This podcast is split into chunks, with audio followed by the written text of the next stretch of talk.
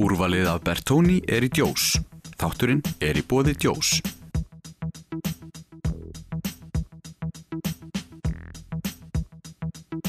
Taktíkinn er í bóði Lemon á Akureyri.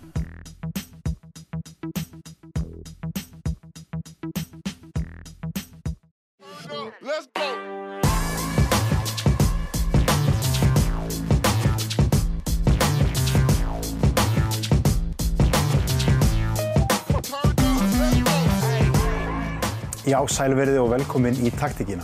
Handbólti, fótbólti, fjalla, hjólreðar. Á þetta eitthvað sammeilegt? Ég veit það ekki. Við ætlum að komast að í þættinum. Hérna til mér setti er ég komið með Dag Gautason, vinstri hodnamann hjá KA. Velkomin. Takk fyrir það. Þú varst núna í verkefni með, með landsliðinu. Þar unnu þið e, Silvuvelun, ef við ekki tala um að vinna Silvuvelun. jú, jú. Þó að Silvuvelun sé nú alltaf að þá tapir maður úrstýrta leiknum. En þú ert valinn þar í úrvalslið mótsins. Hvernig tilfinning á það? Uh, hún var mjög góð sko. Það var eitthvað sem ég var ekki alveg búinn að búa um undir. Það kom strax eftir tapleikin, það satt svolítið í manni. En jú, það var að sjálfsögðu mikið leiður og mjög gaman og maður gerði sig grein fyrir hvað væri stórt eftir leik að vera valin í úrvarsliði á svona stóra móti. En það er mjög gaman.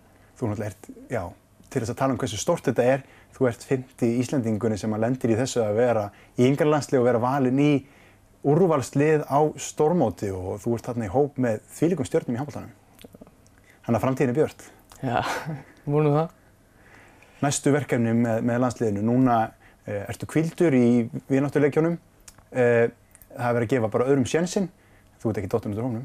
Nei, ég hugsa nú ekki. Eh, Þetta er nýtt svona að gefa okkur hinnum pásu sem við höfum verið í þessu og nota til að finna nýja leikmenn og breytana kannski. Það sem við erum með verkefni núna um jólinn, Sparkarnir Cup, það sem við hefum tíð til að verja, þannig að við erum bara að fylla undirbúið til það.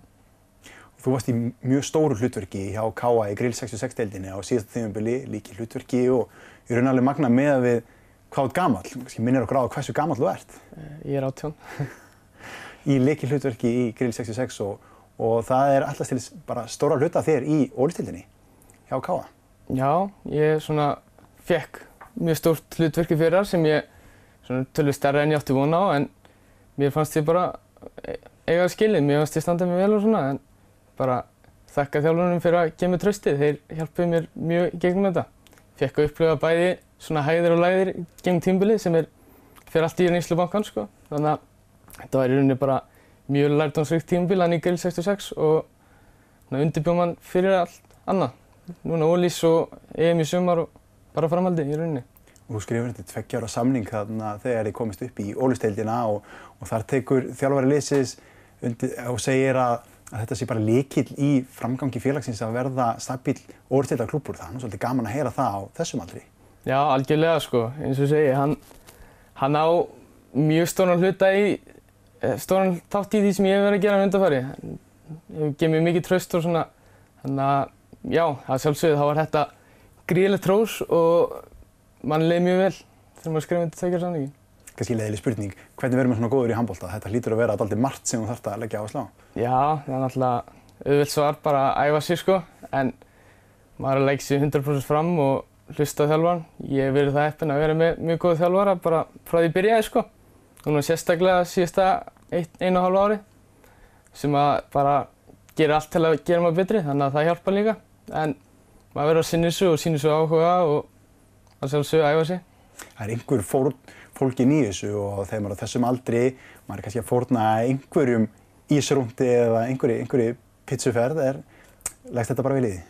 Já, já, þetta er náttúrulega, það er erfitt. Ég hef sleppt alveg töluvert miklu af félagslífi núna síðustu fjögur ár kannski. En svona eftir á því ég lít tilbaka þá get ég alveg klárlega sagt að þessi þess verði. Og það er náttúrulega bara á eftir að, þú ert eftir að sjá meira kannski uppskeru þess setna meir, þú veist, þegar að fyrir að ganga betur með landsliðinu og, og stefnum hjá þér að fara að ganga svona vel í yngri landsliðinu, það lítur bara að vera á A-landsliði, það líkur beint við. Já, sjálfsögðu. Maður sér síðan hvernig það þróast en jú, að sjálfsögðu stefnum sett þangað sko. En hvernig er að vinna þetta með skóla? Er það ekkert mál? Eh, jú, það getur verið það. ég hugsa að ég hafi ekki alltaf kannski skilað öllu og staðið mig alveg nógu vel, mætt í tíma og svona, en það hefur alveg gengið þokkarlega svona með að við hinga til sko. Eru kennararnir að sína þessu skilning? Það er kannski ef þú skorar 5-6 mörg í leik að þá kannski sína þessu skilning frekar eða hvað? Já, algjörlega. Ég, ég myndi mér sem segja að ég hef bara sloppið frekar vel hjá kennurum í metaskólanum núna. Þeir, þeir sýnir sér mjög mikið skilning og áhuga og bara, ég er eiginlega bara mjög þakkláttur fyrir að hafa haft marga kennara núna þessi tvö ár. Líka þessi ferðalög náttúrulega, landslið tekur líka tíma og þú ert að vera að fara söður, bæða æfingar og í leiki. Eh, nærða að mæta vel í tíma? Uh, já, svona, misjönd. Það eru nokkur tímar sem ég þarf að sleppa en já, eins og þú segir, kennarinn skil, sínaði mikinn skilning þannig að það hefur allt gengið upp sko. Hvernig finnst þér að vera handbóltamæður hérna á Norðurlandi, hérna á Akureyri? Heldur að sé öðruvísi aðstæður eins og fyrir sunnan? Ég hef rauninni ekkert hugsað út í það þannig sko. Það, mér líði mjög vel hérna þannig að ég hef bara, eins og þú segir, ekki hugsað alveg nú vel út í það.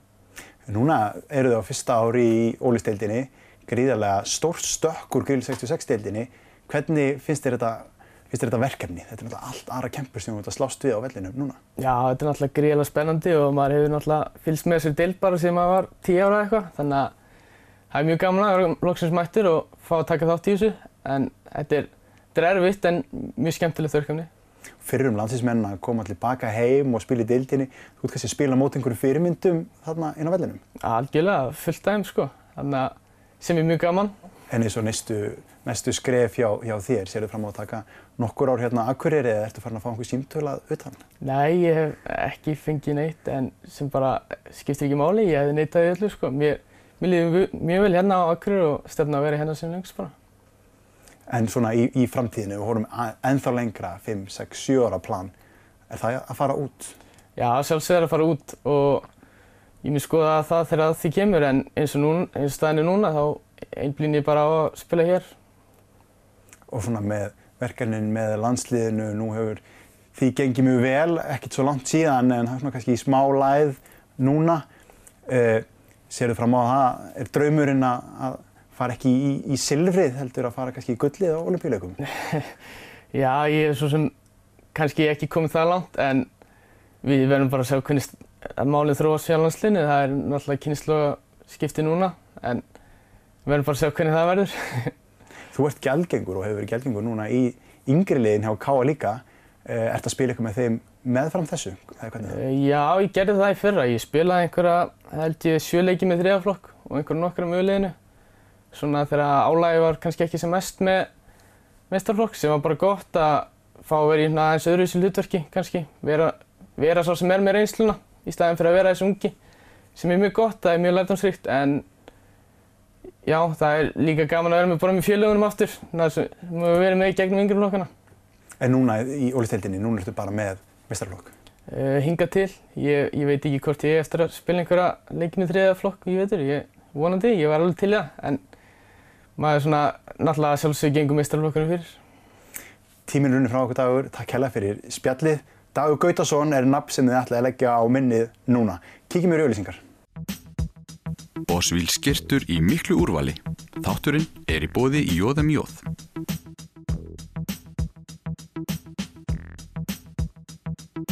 Taktíkinn er í bóði Lemon á Akureyri.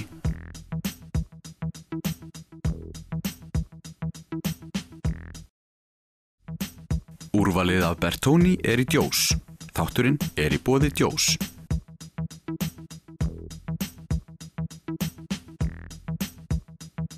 Taktíkinn er í bóði Lemon á Akureyri.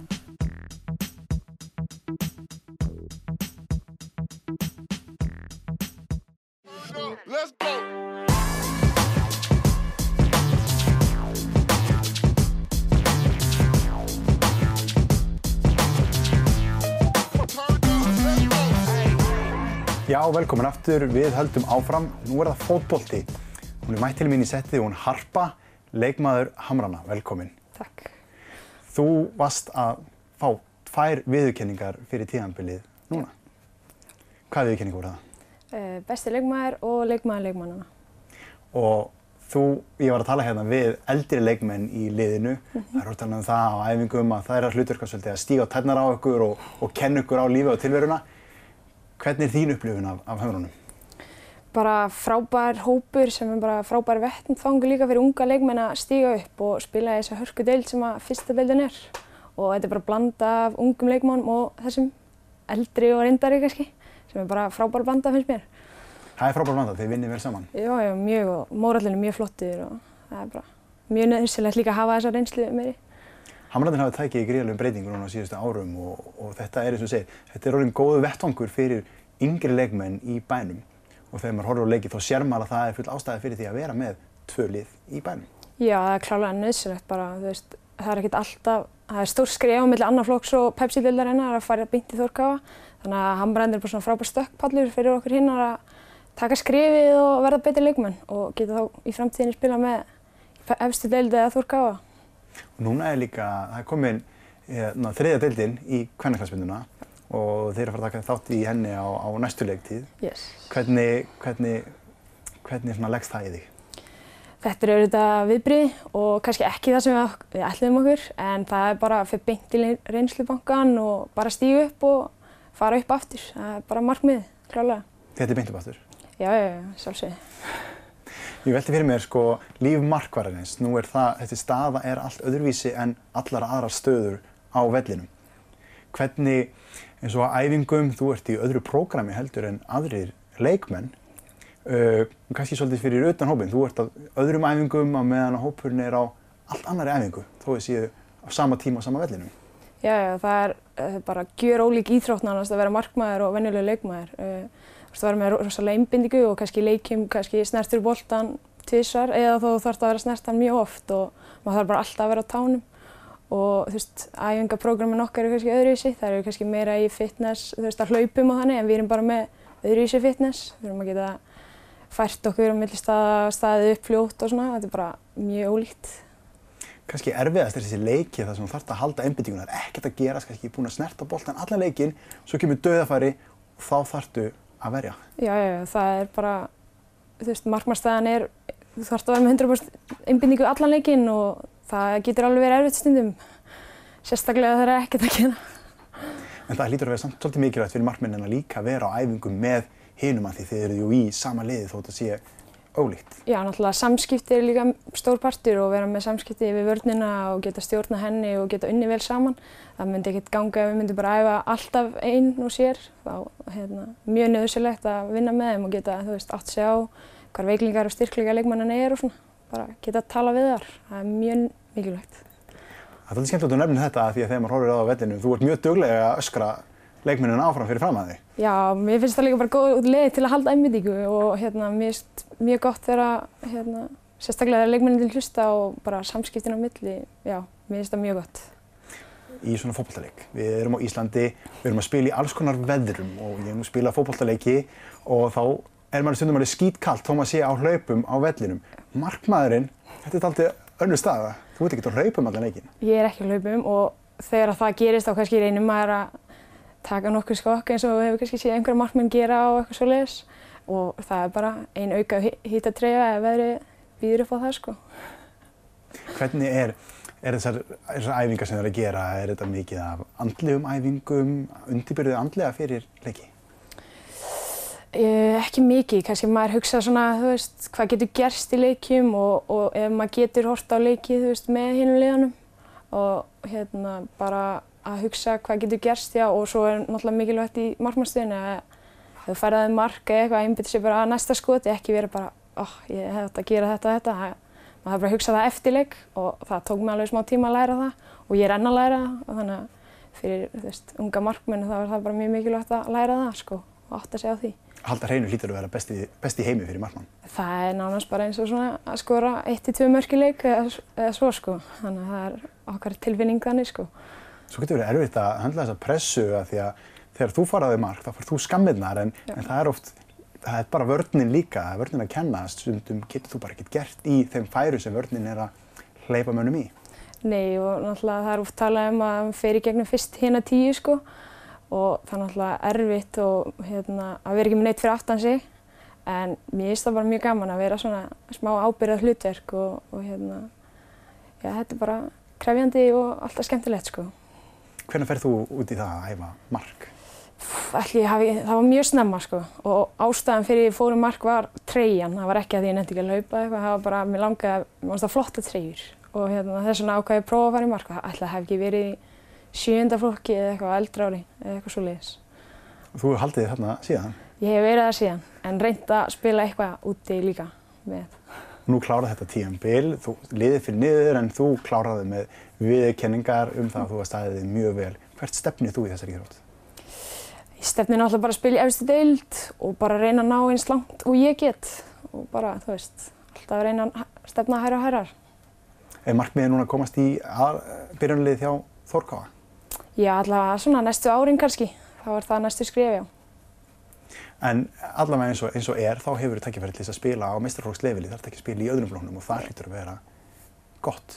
Það er mjög gott og það er náttúrulega mjög mikil munir á milli og bara frábært þessi skipting sem við gerða önnur og fyrsta deild. Það náttúrulega bara gefur yngri leikmunum og þeim sem vilja taka næsta skrifs tækifæri á að spila og verða betri og fá smá meistarflokksbólla. Það er geggjað sko smá svona auðvörm aftur inn í hann hugarheim með markmanninum.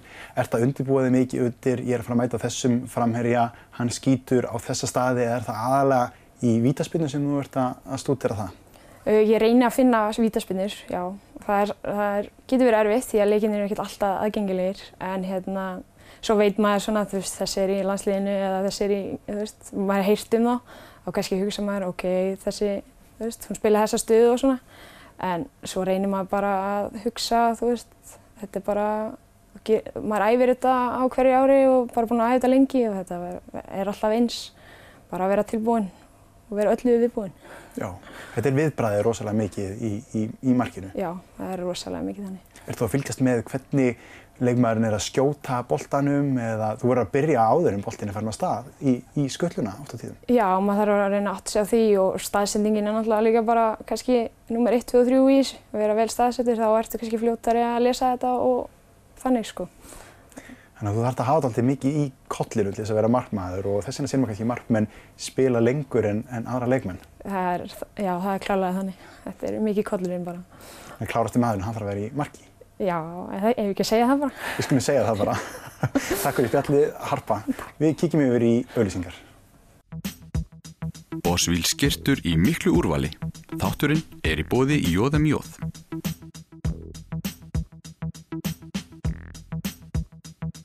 Jóð. Taktíkinn er í bóði Lemon á Akureyri.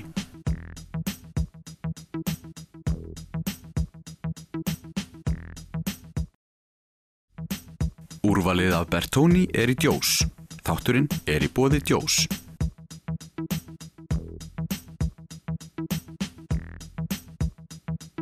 Taktíkinn er í bóði Lemon á Akureyri.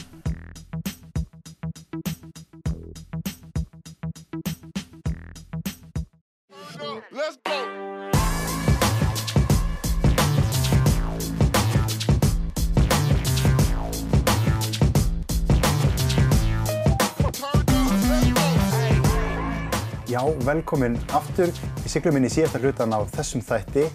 Það er komið að fjalla hjólreiðum og það er fyrsta skiptið mjög viðandi í bleikum oktober að taka þetta einstaklega fyrir. Hérna til mín er komin Sara Ómarsdóttir. Velkomin. Takk. Þú ert í mjög flottri peysu, ég verð að segja það. Já, það þakka þér fyrir. Okkar hönnun. Þú greinist með brjóstakrabbamein, 34 ára gömul. Já, ég vil segja það, 34. Myndatakan, hún er samt fyrir eldri konur, þessi hópmyndataka sem er kallað inn í. Þannig að þú greinist í raun áður en að það er byrjað að kalla inn í myndatöku. Já, miklu fyrr og bara mjög ung og var alveg hamrað á því að ég væri bara mjög ung með brjóstakrammin og enda fann ég þetta sjálf. Það var ekki einhverjum öðrum að þakka. Þannig að, og það var alveg gegnum alla mínu meðferð hversu ung í rauninni ég væri. Og þú ákveður að láta þetta ekkert stoppa þig, þú ákveður að grípa til þína ráða og gera eitthvað. Já, maður, þetta er verkefni, þetta er áskorun og það er annarkvort mikill or break it, það er bara þannig og ég er svona, ég er keppnismannskja eldrisvæði og hérna, það var bara verkefni sem ég ákvaði að takla. Hvenær ákveðstu þetta? Er þetta þarna þegar þú, hvað liggur á, á sjúkrahúsinu? Já, í rauninni, þegar ég hérna vakna svona með aðra mannskju sem að var á sama stað að ég í lífinu, hún var endur að greinast í fjóraðskipti, sama aldri, en í hennar augum að líka lífið áskorun og það þýðir ekkert að, hengja haus, það þarf bara að tækla hlutin eins og þeir eru og við ákveðum að skella okkur í smá hjóltúr. Það var ekki svona smá hjólatúr, það vatt svolítið upp á sig, það verkefni. Já, það endaði með að við stopnum hjólræðklub sem heitir Fuck Cancer sem við erum í og hjólum, hjólum hringin í kringum landið í Vá og söpnum áhættum fyrir kraft og í þessum hóp var meðal annars stelpur sem eru að hjóla með mér í Kvenduró. Þú nefnir Kvendúró, þetta til ég að segja okkur aðeins hvað það er. Já, Kvenduró er hjólhópur hérna á Akureyri sem að hérna, við vorum nokkra stelpur sem að leittist að hjóla örfáar með strákonum eða aleinar og ákvaðum að reyna að fá fleiri stelpur með okkur. Og ákvaðum að hittast einu sinni viku og fórum að auðlýsa á netinu að við byggðum allar konur velkomna á saman hvað aldrei og skipta engum með hvernig hjólið er að væri. Og núna í dag, rúmið þreim árum setna, erum við 20 og þetta er allt konur á aldrinum 17-16 upp í 55-60 og bara alveg magnað. Upp í 55-60, það er alveg magnað. Það er magnað, sko. Og fá konur sem að hérna heldur þær gæti þetta ekki og þorði ekki að mæta og þær eru komnar á sérúbún, einhvern svona massíf fjallahjól fulldempuð með fullface hjálma og bara komnar í alla græðunar og komnar upp í fjall með okkur. Það er alveg magnað. Þetta er svolítið svona stig magnast, þú býður þeim inn fyrir þröskuldinn og svo vindur það upp á sig. Já, alveg bara. Og það er það sem gerist þegar maður fær tækifæri til að vaksa sínum hraða og prófa hluti og eins og að vera að geta flestir hjóla, að læra allir að hjóla svo bara höldum við að þegar við verum fullorinn þá bara eigum við ekki að gera það. En svo kemur bara ljós að þetta er ótrúlega skemmtilegt að vera úti og maður að læra upp og nýtt, bara horfa á konur, fara fram á gangstjættabrún í dag, þær hoppa fram að henni af því á hjólinu sinu, eitthvað sem maður gerði aldrei fyrir þreymur án síðan, fara þannig að stökka einhverja palla á eitthvað, það er bara ótrúlega gaman. Þetta er mjög fjölþætt, þetta er félagslegi þátturinn, þú ert að upplifa náttúruna en þú ert líka, þetta er líka hreyfing og íþróttir. Já, algjörlega. Og þetta er í rauninni bara, þú vinnur öllu, veist, andlegt og líkamlegt er þetta bara toppurinn og vera náttúrulega mjög góðum félagskap allan tíman er náttúrulega plúsinn og við erum mjög duglegar til þess að fara saman á barinn þegar við erum búinar eins óýþróttamannslegt og það er en þá setjumst við niður og kostum með kaffi eða hérna, kók eða eitt lítil bjór og hérna, spjöllum og kynnumst og lærum að hvern annari og erum að segja reynslisögur og, og hérna, skoða vídeo, það var einhver sem var að stökka, einhver sem var að læra eitthvað nýtt og hérna, það var bara ótrúlega skemmtilegt sko. og býr til mjög góðan hóp. Og þetta sýnir mann líka hvað íþróttir geta gert margt. Já, og bara í raun fyrir þennan aldurshóp og þú veist, ég greinist með brjóstakarafminn og hérna, og það er einmitt svona, og við síndum fram á það þegar við hjólum ringin 20 manns og meirinn helmingurna er fólk sem hefur greinst með krafminn eða aðstændendur að lífið er ekki búið og með íþróttum er hægt að gera svo margt og það er hægt að finna sitt tempo. Þú þarft ekki að hjóla hrætt, þú þarft ekki að vera afriðsýþróttumæður í fókbólta eða einhverju.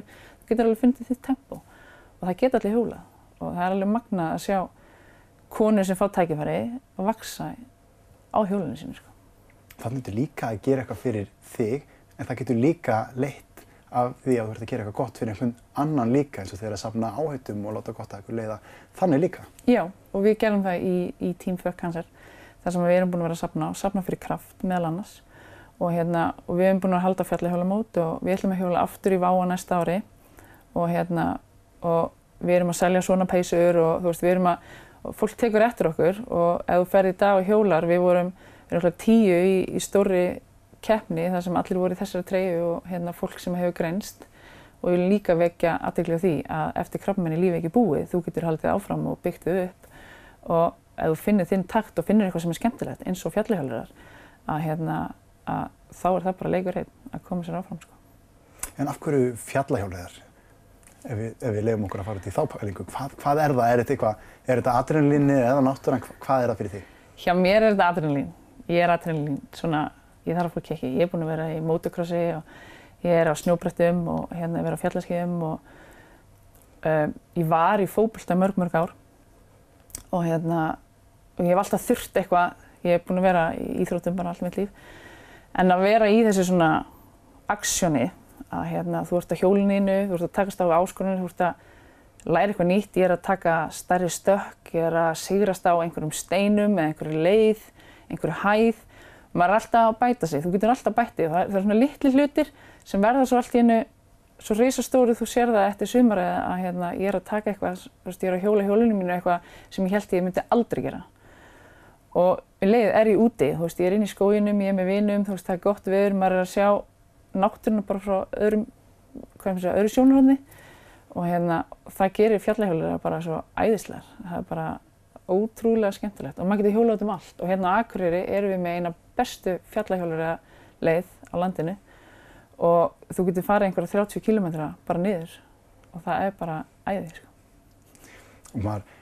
Svona, ef maður reynir að setja sig í þessi spór, þú ert að fara hratt, þú ert úti í náttúrunni, náttúrunni er ódreifnarlega, þannig að þó þú sért búin að fara leiðina einu sinni þá þýðir það ekkert að þú þurfir ekki að hafa, eða þú þurfir ekki að passa þig þegar þú ferð hana næst. Nei, nei, nei, það, þú veist, ég endaði upp á sjúkrahúsi núna í águst með brotna hendi ég, ég var að fara að lesa, ég var búin að fara hundra sinnum og hérna, þá hafði ég bara ágjörð síni mínu sem er með mér, hann er tíu ára og hann er svona hjóli líka ég hafði svo miklu ágjörð honum að ég horfði ekki fram fyrir mig og ég endaði á sjúkrahúsi með brotna hendi. Þannig að, hérna, neini, og það er alltaf nýjar áskonur og það gerir það skemmtilegt. Og maður getur alltaf bætt hraðan, bætt tæknina eða bara sest niður og notið þess að vera ekkert að flýta sér og, hérna, og bara setja frá öðru sjónarhóttum, tekið upp nesti sitt og, og hérna, verið með góðum vinnum. Það er bara, þú veist, það er alltaf eitthvað. Og fara aðra leiðir, jökulsárgljúur, við fara upp á súlur, fólki fara að fara með hjóli sem þangað, eitthvað sem að, ein, fólk var ekki að gera, allarlega upp á hlýðafjall þar niður, veist, þetta er endalust, sko.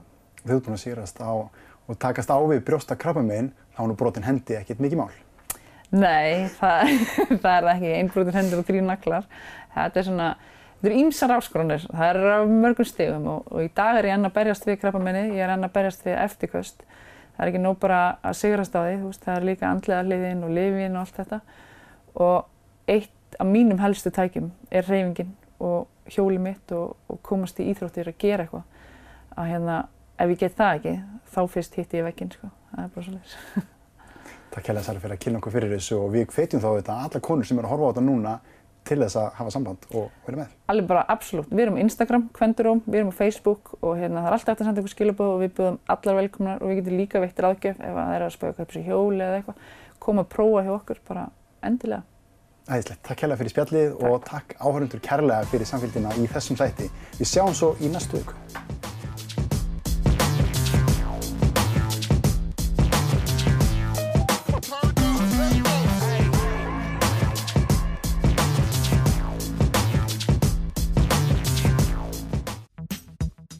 Bosvíl skirtur í miklu úrvali. Þátturinn er í bóði í Jóðum Jóð.